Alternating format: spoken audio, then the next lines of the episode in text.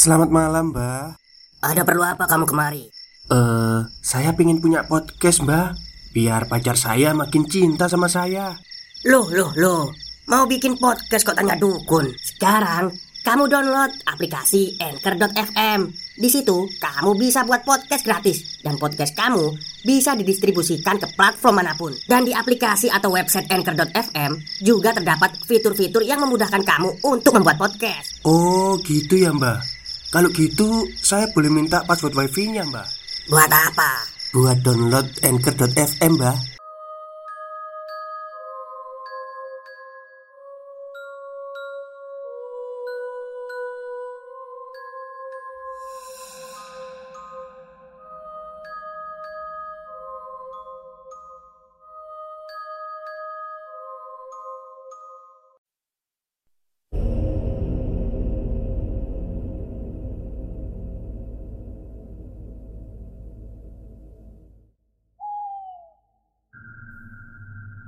Assalamualaikum warahmatullahi wabarakatuh. Halo semuanya Jumpa lagi dengan saya Chow Sing Sing Kurator dari podcast Horror Night Story.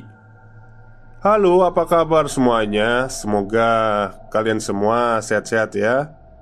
Dan seperti biasanya Pada siang hari ini saya kembali Dan akan menghadirkan sebuah kisah mistis untuk kalian semua Kisah mistis kali ini saya datangkan dari treat horornya Mas Rian Ferdianto yang menceritakan pengalaman narasumbernya yang tersesat di hutan pada tahun baru. Tahun baru kemarin ya. Oke, daripada kita berlama-lama, mari kita simak ceritanya. Jadi, perkenalkan, namaku adalah Surya.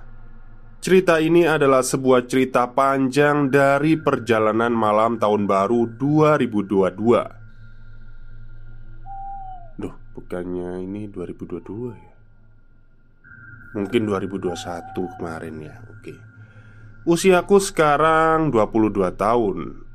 Seorang mahasiswa yang malam tahun baru itu Rencananya melepas penat Dan pergi ke suatu tempat.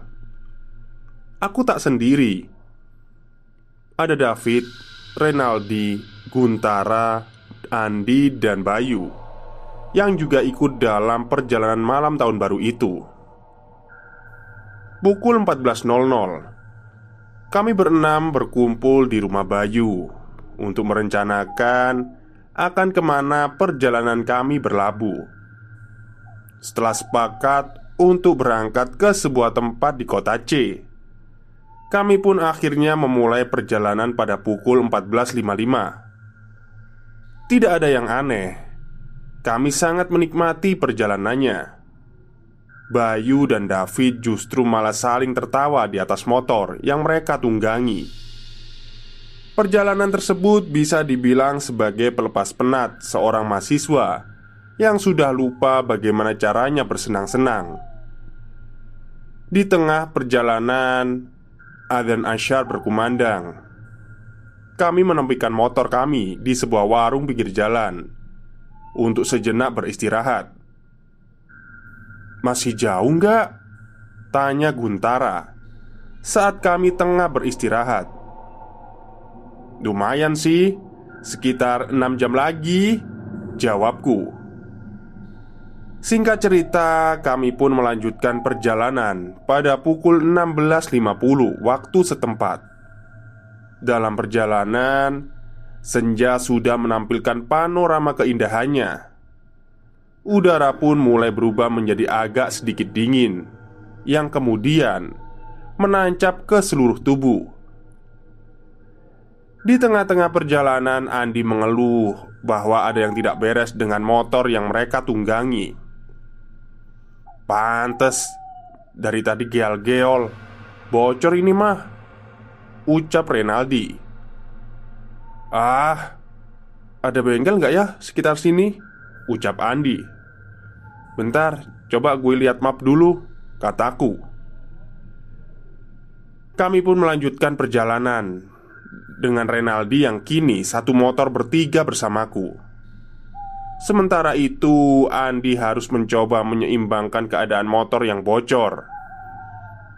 Di jalanan yang lumayan cukup parah itu Setelah 25 menit mencari letak di mana bengkel itu berada Akhirnya kami berenam menemukan sebuah bengkel milik warga setempat Namun Ternyata saat itu bengkelnya sudah tutup Tapi Bapak si pemilik bengkel itu masih ada di luar rumah Sedang berbincang dengan istrinya. Kami datang dengan baik-baik Dan minta pertolongan Kepada bapak pemilik bengkel itu Agar bisa menambal motor Andi yang bocor. Memang kalian ini dari mana? Tanya bapak tersebut. Anu pak, kami dari kota Jawab Andi. Ya sudah Kalian duduk dulu saja. Tunggu 15 menit. Ucap bapak tersebut.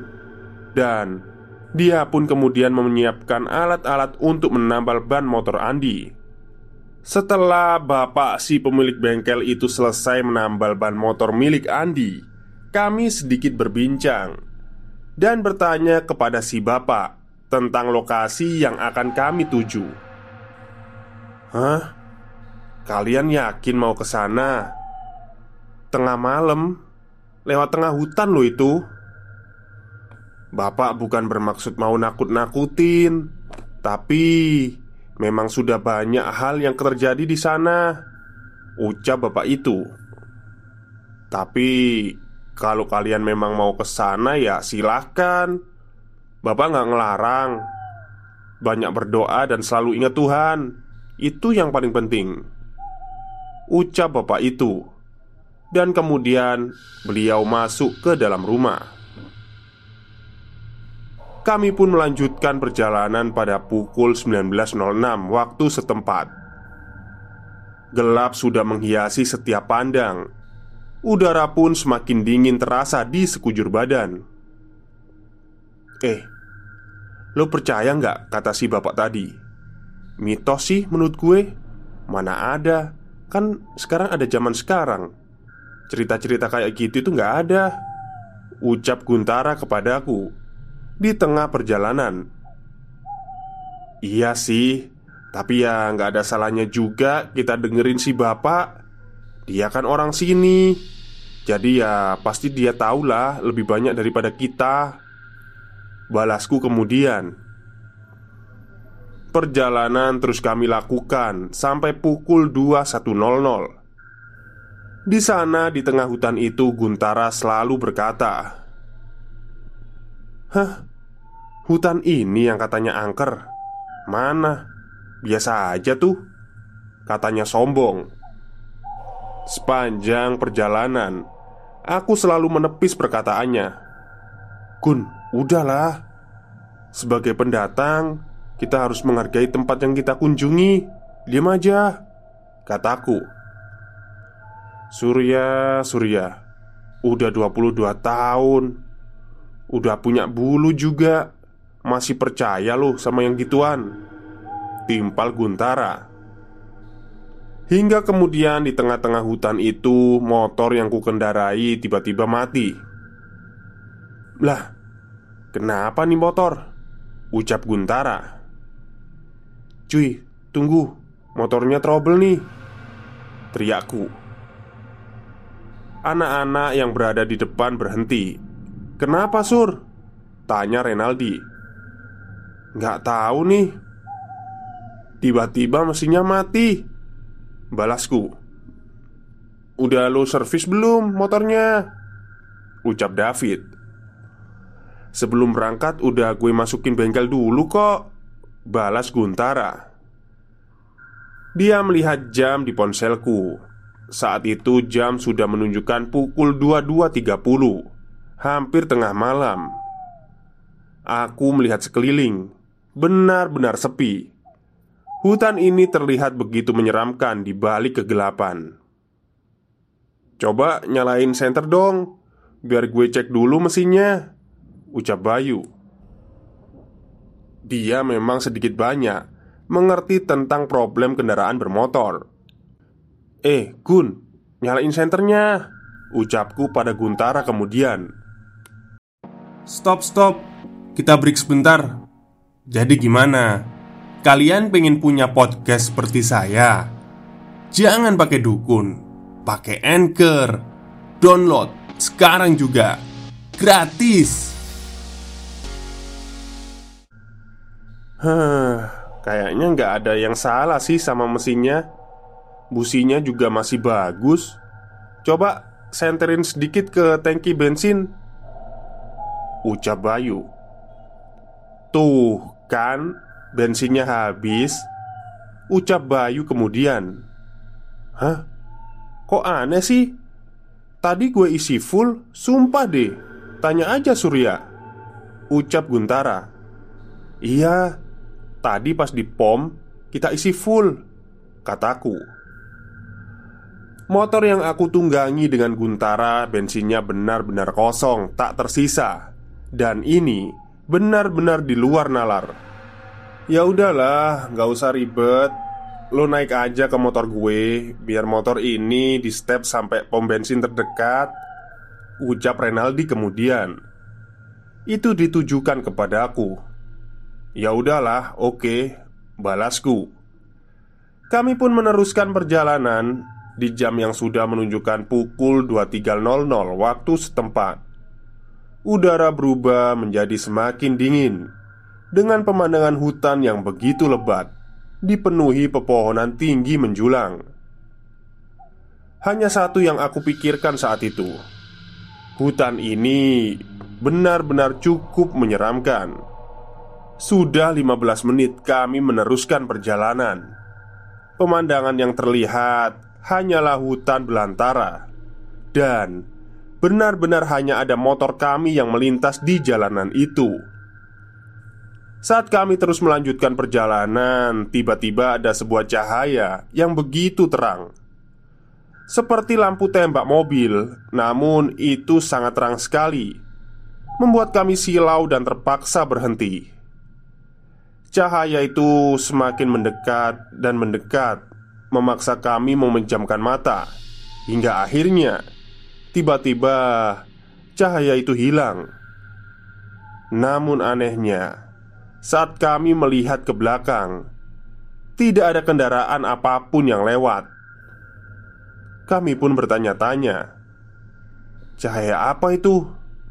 Kami pun kembali melanjutkan perjalanan dengan Guntara yang terus bilang, "Aneh banget ya, cahaya apaan sih barusan? Mana ada sih itu cahaya dari jin atau sebagainya?"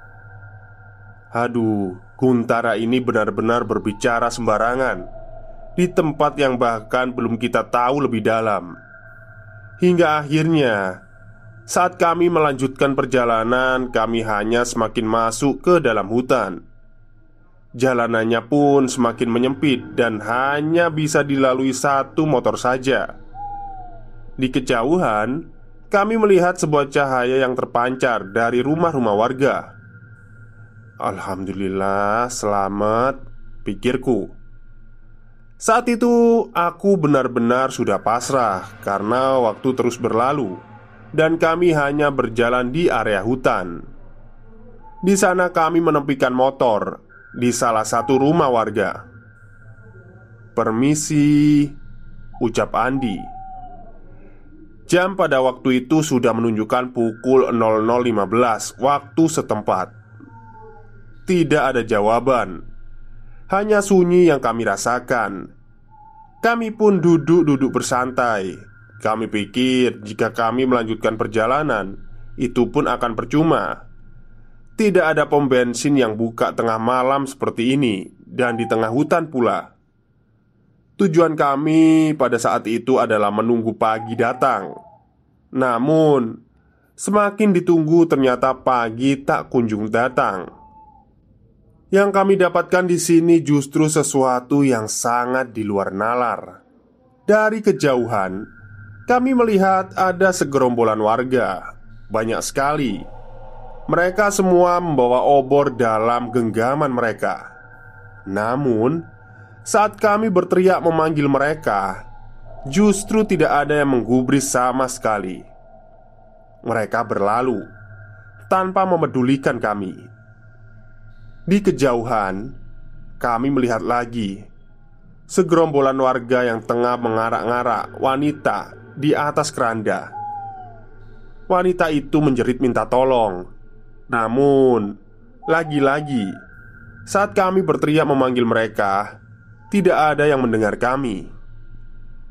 Pikiranku sudah tidak karuan. Sebenarnya, desa apa yang sedang kami singgahi ini? Tiba-tiba, dari balik kegelapan datang seorang kakek berjalan tergopoh-gopoh menghampiri kami. "Kalian pulanglah, ikuti kakek, cepat!" Katanya dengan nada yang sedikit ditekan. Kami berenam pun mengikuti sang kakek Dengan menuntun kendaraan kami. Hingga Di depan sana Terlihat cahaya yang sangat silau. Seperti saat pertama kami lihat Yang kami kira berasal dari lampu kendaraan. Hingga kemudian cahaya itu pun hilang Kami melihat ke sekeliling dan kami masih berada di dalam hutan ini. Namun, tidak nampak rumah warga dalam pandangan.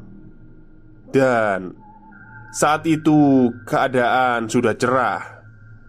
Dari gelap gulita yang satu detik yang lalu kami rasakan, dan kakek itu pun hilang.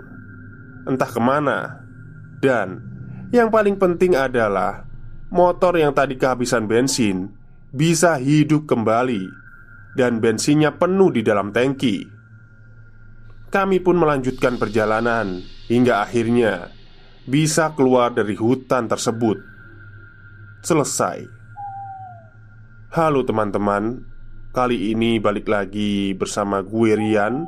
Yap, cerita usai sampai di sini tanpa ada maksud dari gue untuk mengurangi ataupun menambahkan isi dalam cerita.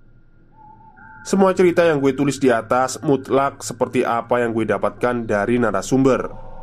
Jadi, pelajaran yang dapat kita petik dalam cerita ini adalah alangkah baiknya sebagai tamu kita harus menghargai apa-apa yang jadi kepercayaan masyarakat sekitar. Jangan sampai kita justru mengucap sesuatu yang tidak senonoh. Sampai jumpa di treat gue berikutnya. Gue Rian Selamat malam. Oke, itulah treat horor pendek dari Mas Rian ya tentang narasumbernya yang pernah tersesat di hutan.